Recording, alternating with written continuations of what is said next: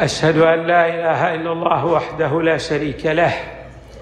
إلها واحدا أحدا فردا صمدا حيا قيوما لم يتخذ صاحبة ولا ولدا ولم يكن له شريك في الملك ولم يكن له ولي من الذل وكبره تكبيرا.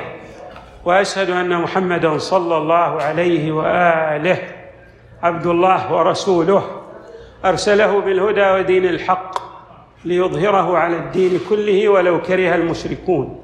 وأشهد أن الأئمة من بعده هم علي بن أبي طالب عليه السلام والحسن والحسين والتسعه المعصومين من ذرية الحسين.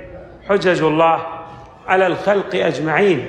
آخرهم إمامنا المهدي الذي يملأ الأرض قسطا وعدلا كما ملئت ظلما وجورا. وقد بشر به النبي صلى الله عليه وآله وأكد على ظهوره في قوله لو لم يبقى من هذه الدنيا إلا يوم واحد لطول الله ذلك اليوم حتى يخرج رجل من ولدي يملأها قسطا وعدلا كما ملئت ظلما وجورا. عباد الله أوصيكم ونفسي بتقوى الله فإن تقوى الله مفتاح سداد. وذخيره معاد وعتق من كل ملكة ونجاه من كل هلكة كما ورد عن إمامنا أمير المؤمنين عليه السلام. والله تبارك وتعالى في القرآن الكريم يفصح لنا عن هذا المعنى بقوله تعالى وتزودوا فإن خير الزاد التقوى. واتقون يا أولي الألباب.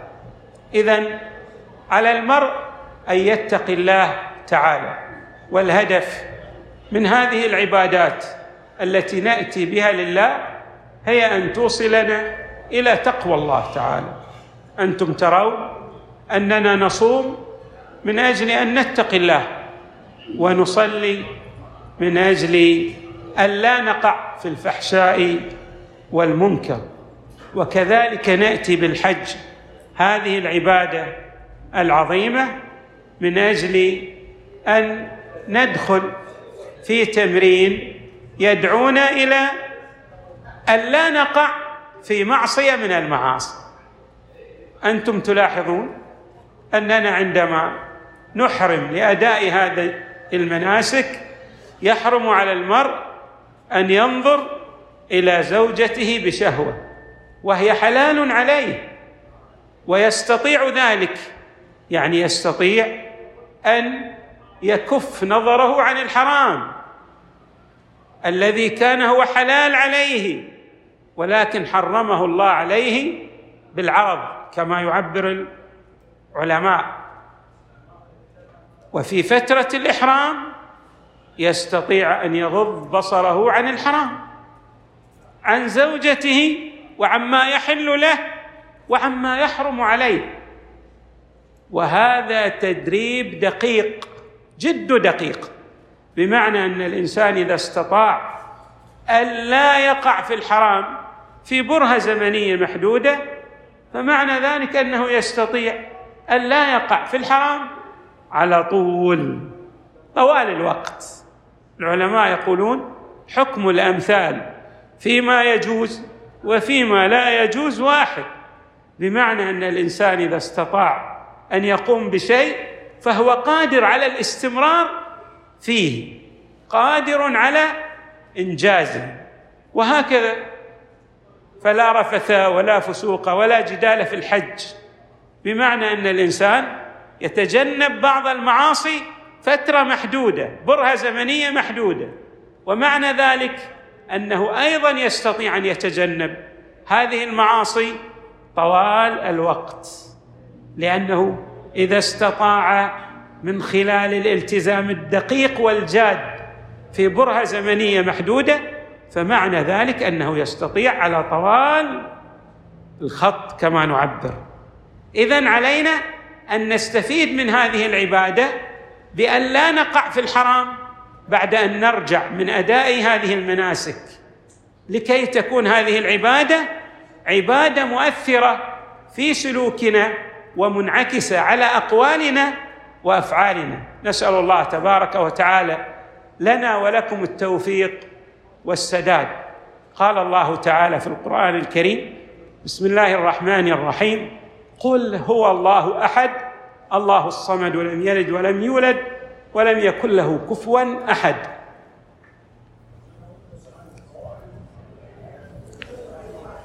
بسم الله الرحمن الرحيم والحمد لله رب العالمين.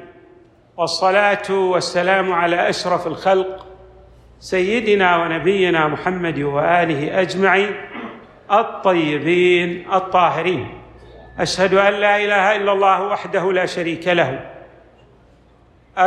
وأشهد أن محمدا صلى الله عليه وآله عبده ورسوله أرسله بالهدى ودين الحق. ليظهره على الدين كله ولو كره المشركون. وأشهد أن الأئمة من بعده علي بن أبي طالب عليه السلام والحسن والحسين والتسعه المعصومين من ذرية الحسين عليهم السلام الذين آخرهم المهدي صلوات الله وسلامه عليه. عباد الله تقوى الله هي الذخيرة للإنسان وكل ما يمتلكه الإنسان في هذه الحياة الدنيا هو عرض زائل أما ملكة التقوى هي الملكة الأساسية وهي الغنيمة التي إذا حصل عليها الإنسان فإنه حصل على كل ما يبتغيه من هذه الحياة الدنيا. هذه الحياة الدنيا هي مجرد فترة عابرة تمر على الإنسان كطيف كحلم. في النوم. ثم يستيقظ. وقد ورد عن علي عليه السلام الناس نيام. فإذا ماتوا انتبهوا. الله تبارك وتعالى يفصح لنا عن أهمية التقوى وكيف يحقق الإنسان الفوز الأكبر بتقوى الله. قال الله تعالى في القرآن الكريم إن للمتقين مفازا. الفائز الحقيقي هو الذي يحصل على ملكة التقوى. ممكن أن تحصل على أهم شيء يحصل عليه الإنسان في هذه الحياة الدنيا ألا وهو العلم. وتصبح من العلماء الكبار الذين يشار إليهم بالبنان. وكذلك يمكن أن تصبح اثرى الأثرياء في هذه الحياة الدنيا. ثم ماذا بعد؟ سوف تغادر هذه الحياة الدنيا. وتترك أموالك. وتترك أيضا جميع ما حصلت عليه في هذه الحياة الدنيا. ماذا يبقى لك بعد مماتك؟ يبقى لك العمل الصالح الذي أحرزته من خلال تحصيلك لتقوى الله تبارك وتعالى.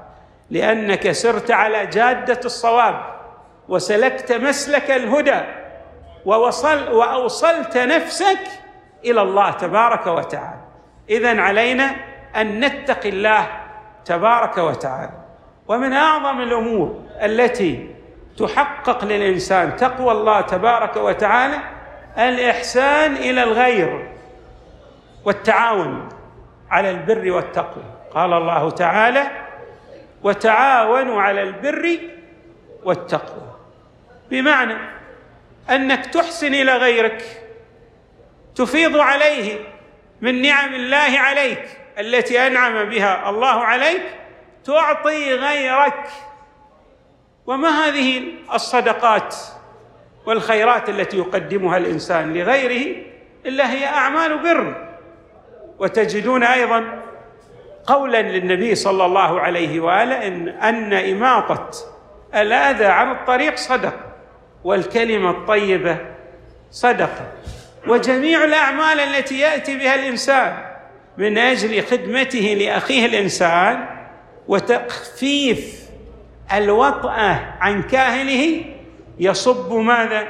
في صالح الإنسان قبل أن ينفع غيره. إن أحسنتم أحسنتم لأنفسكم كما يعبر القرآن. اذا علينا أن نغتنم. هذه البرهة الزمنية القصيرة.